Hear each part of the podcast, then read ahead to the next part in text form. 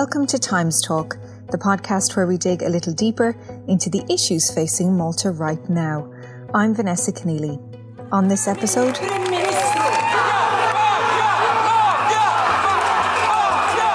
protests take place in Valletta in response to fresh links between the government and the ongoing investigation into the murder of journalist Daphne Caruana Galizia. And I didn't want to leave the house anymore because I I didn't feel safe, you know. It was everybody was blaming even COVID on foreigners.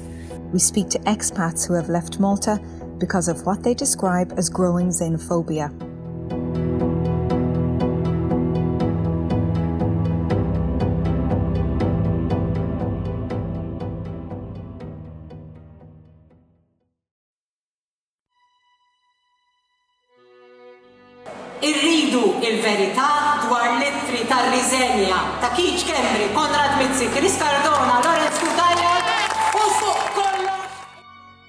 This week, a protest took place outside of Parliament calling for trust and justice.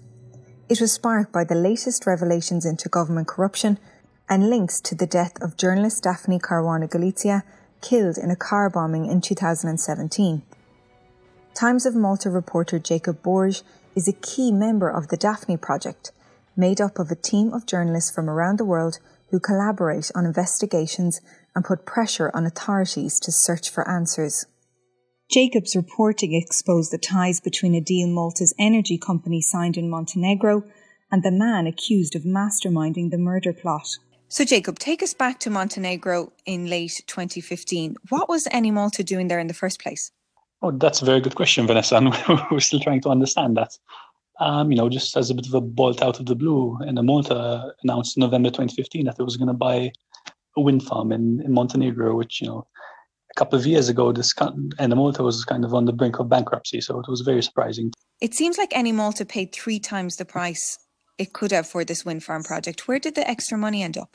Um, in 17 Black. 17 Black, which at that time we didn't know that was the name of the company. We'll get to that shortly. But 17 Black hid behind another company to make this deal. Uh, precisely. Uh, an intermediary called Cifidex was used.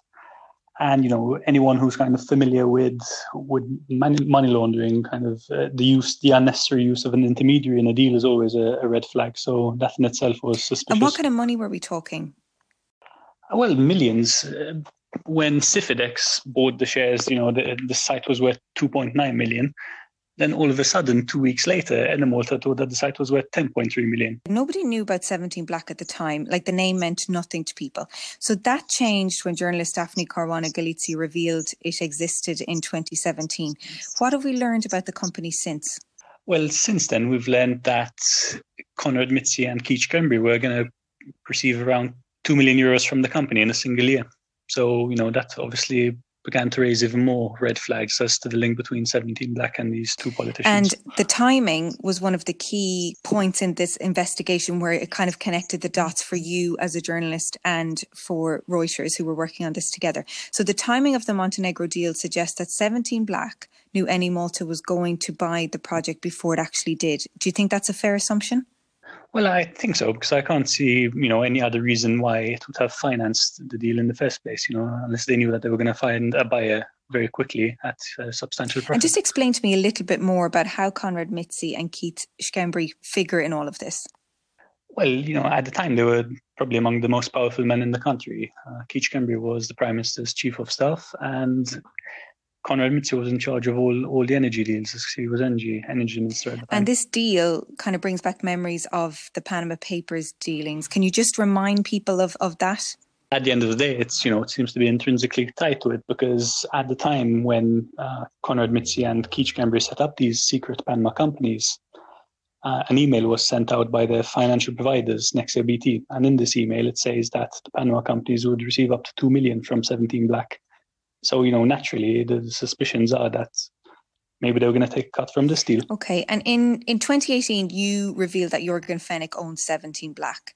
Now you found a money trail leading to the company. Tell me a bit about your experience digging that up. The very fact that it's taken us two years to get to this point shows how, how well hidden these, these structures were. You know, 17 Black was kind of hidden behind a massive brick wall and we've had to kind of take it down slab by slab, and you know, it's taken time, a lot of money, and resources, and especially on Reuters' part. So it certainly hasn't been easy. What was your aha moment? Um, well, I think it all came together when we found out that Yorgen Fenech was the man behind 17 Black, because you know Yorgen Fenech was the guy behind the, the new power station project. So when when Yorgen Fenech was arrested on suspicions of you know being the person behind Daphne Caruana Galizia's murder, I think everyone in government realized that both Keith Schembri's and Konrad Mizzi's positions were untenable. You know, just by virtue of the fact that they were going to secretly enter into a business deal with this guy. And Keith Keith Schembry gave some interesting evidence this week. Yeah, exactly. Um, he spent the past two years, we've been hounding him for the past two years, asking him kind of who owned 17 Black. And then once we got to know it was Yorgen Fenech, we were asking him, did you know Yorgen Fenech owned 17 Black? And he always denied it. And yesterday in court, he suddenly said, oh, yes, I, I always knew he he owned 17 Black. Yorgen Fenech's a good friend of mine, and I was just going to enter into business with him once I left politics. Quite a U turn. You know, again, it just kind of solidifies my initial suspicions because if Keith Schembri had nothing to hide from from this deal and his links with 17 Black, why would he have lied about knowing Yorgen Fenech owns the company? What do you expect police investigators to be doing at this stage? Um, making making up for the four years they've wasted ever since the Panama Papers came out. You know, the raw material of our investigation all starts from the Panama Papers because that's where that famous email linking 17 Black to Konrad Mizzi and Keith Schembri's companies came from. So you know, yeah, it begs the question that if the if the police had kind of actually taken this seriously, hold them in for questioning, maybe they, you know they would have revealed that Yorgen Fenech owned 17 Black. And looking forward, where do you think the story goes from here? I'm going to pat myself on the back a bit here. I think as journalists, we've you know pretty much done all we can do, and now you know it's in the hands of the authorities. It's in the hands of the police to to act on all this evidence. Do you, do you, oh, do you feel confident, or do you ever get nervous that it might not happen? Well, you know, there, there's good reasons for me to be nervous that it might not happen because, you know, like I said, it's it hasn't happened for four years, and we've still got the same head of the economic crimes unit there. So I know hopefully his reluctance to investigate will will change now. Still to come. I think what really, really got to me is the um, disrespect towards Maltese residents by the people in power. Expats shared the defining moment when they felt it was time to leave Malta for good.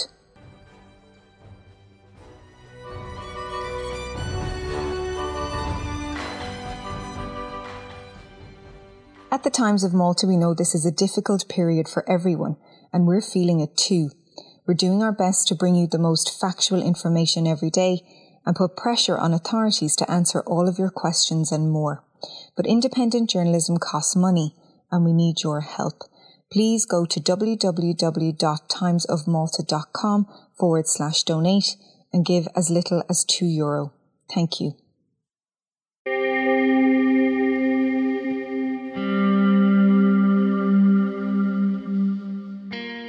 It's a global trend that's emerged in the wake of the COVID 19 pandemic expats choosing to return home.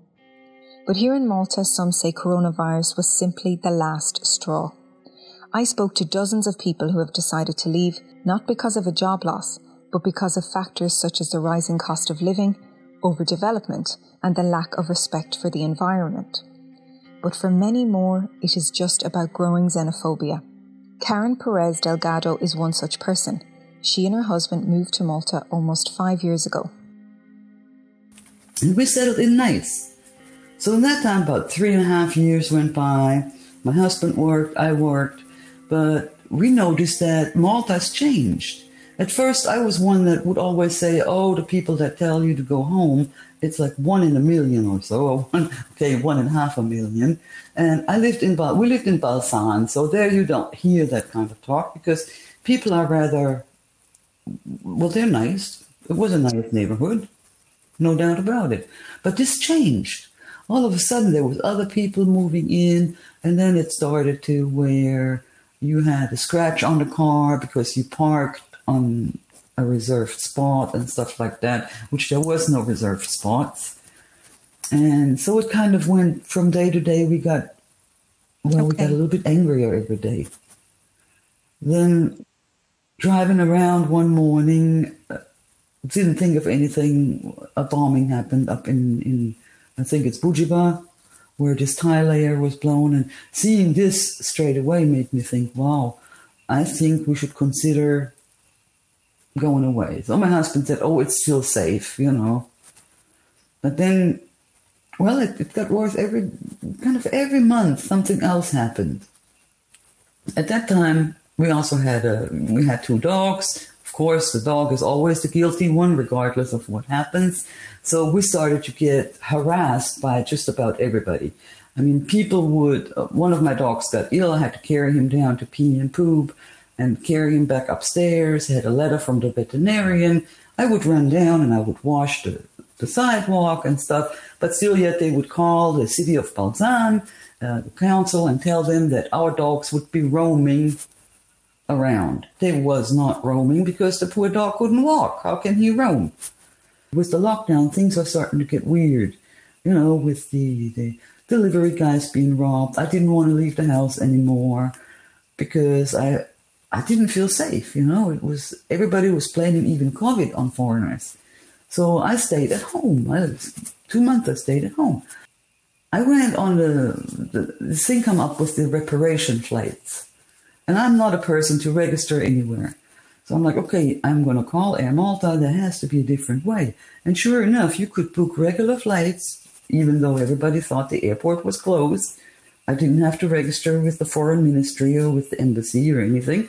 I booked my flight, called the transport company, and off we went. I flew off the 8th of May with my dog Two particular decisions by the government during the pandemic were defining moments for many.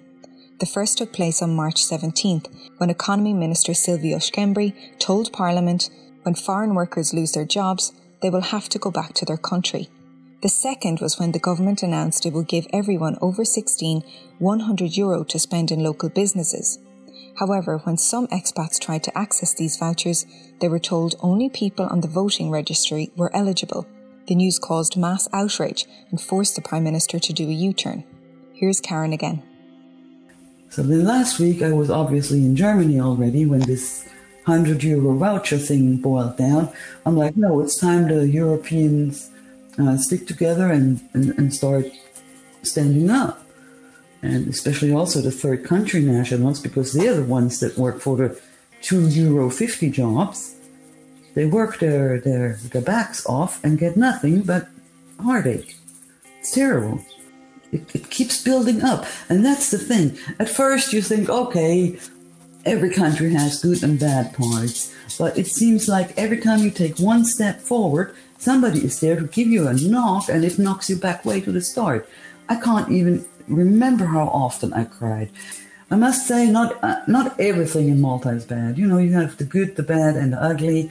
And I do have friends that have been lovely and supportive to me, but the majority is just go back to your country. And we heard it once too many. Originally, we planned to stay in Malta until um, well until we pass away, because we were we are older.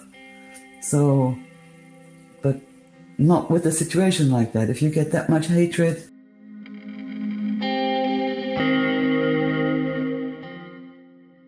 Another woman who wanted to share her story is Justina Maischer.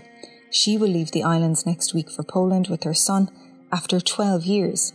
Her final decision was made on March 2nd, when Maltese mother Miriam Pace was buried alive in her home because of bad building practices.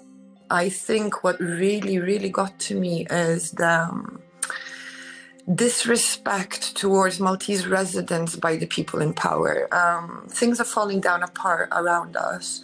And my decision came, uh, rest in peace, unfortunately, when that lady uh, was killed in her own home. That was the, the famous drop for us, yes. Um, it wasn't the first building to fall down because of irregularities in construction sites. I've not seen any developers or construction companies uh, get the proper consequences for these accidents. They keep happening. People are not safe in their own homes.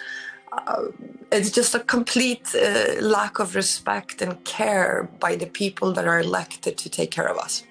I see. And I suppose, I mean, maybe I'm assuming, but you know, what I've heard from other people is that if if the government or Maltese people don't even care about each other, what chance do you have as a as an expat who is already considered a second class citizen here? But is that how you feel? Oh, absolutely. You you pinpointed it. I mean, there's just so much you can continue to fight for what you believe in and fight for the country you love.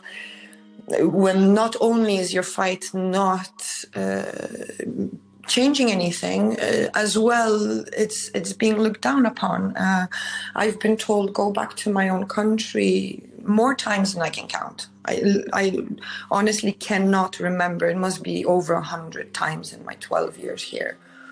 Um, so, yeah. is, there, is, there anything that would spark it? I mean, what, where would it come from? Uh, speaking up.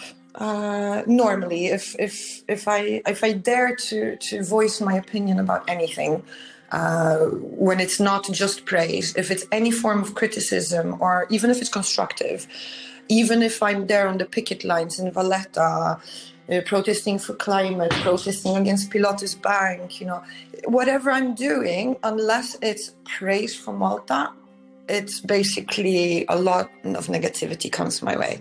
When I had a dog, unfortunately, my dog passed uh, last year, but when I had a dog, it was a daily occurrence.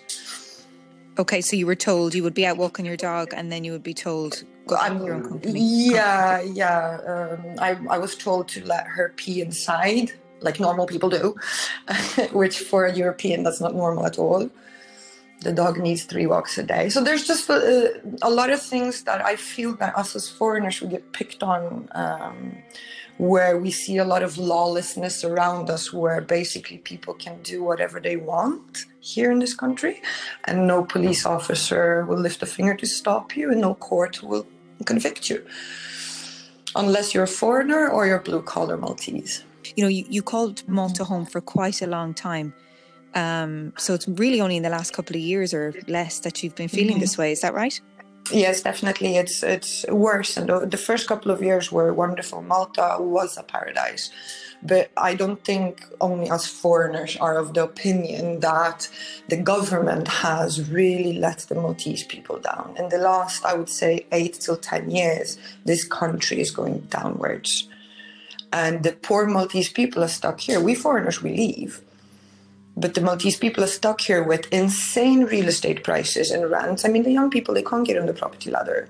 Wages that absolutely you cannot live on unless one parent has two jobs. If you're unfortunate enough to become a single mother, the, the support you get can't even pay the rent, let alone food for your children. I mean, and where is all the money going? And I've been here 12 years, so basically the beginning of iGaming. I've not seen any improvement in inf- infrastructure. Where is that tax money going? Are you looking forward to the move? Absolutely. Oh, goodness me. I can't wait till I can open the window and smell green grass. That's literally the first thing I'm looking forward to. And we used to be able to do that here as well. Yeah. Do you are you apprehensive in any way? No, not at all. Um, this will be my seventh country move in my life. And each time I left the country, in the last couple of weeks there were dreadful. I was feeling sentimental and nostalgic, um, questioning my decision, etc. This is the first country move I've made where that is minimal. Yes, there are things I will miss about Malta, and there are friends here. There's some wonderful people I met here, both Maltese and foreigners. But it's the first time I'm moving country where I am 100% sure that I'm doing the right thing.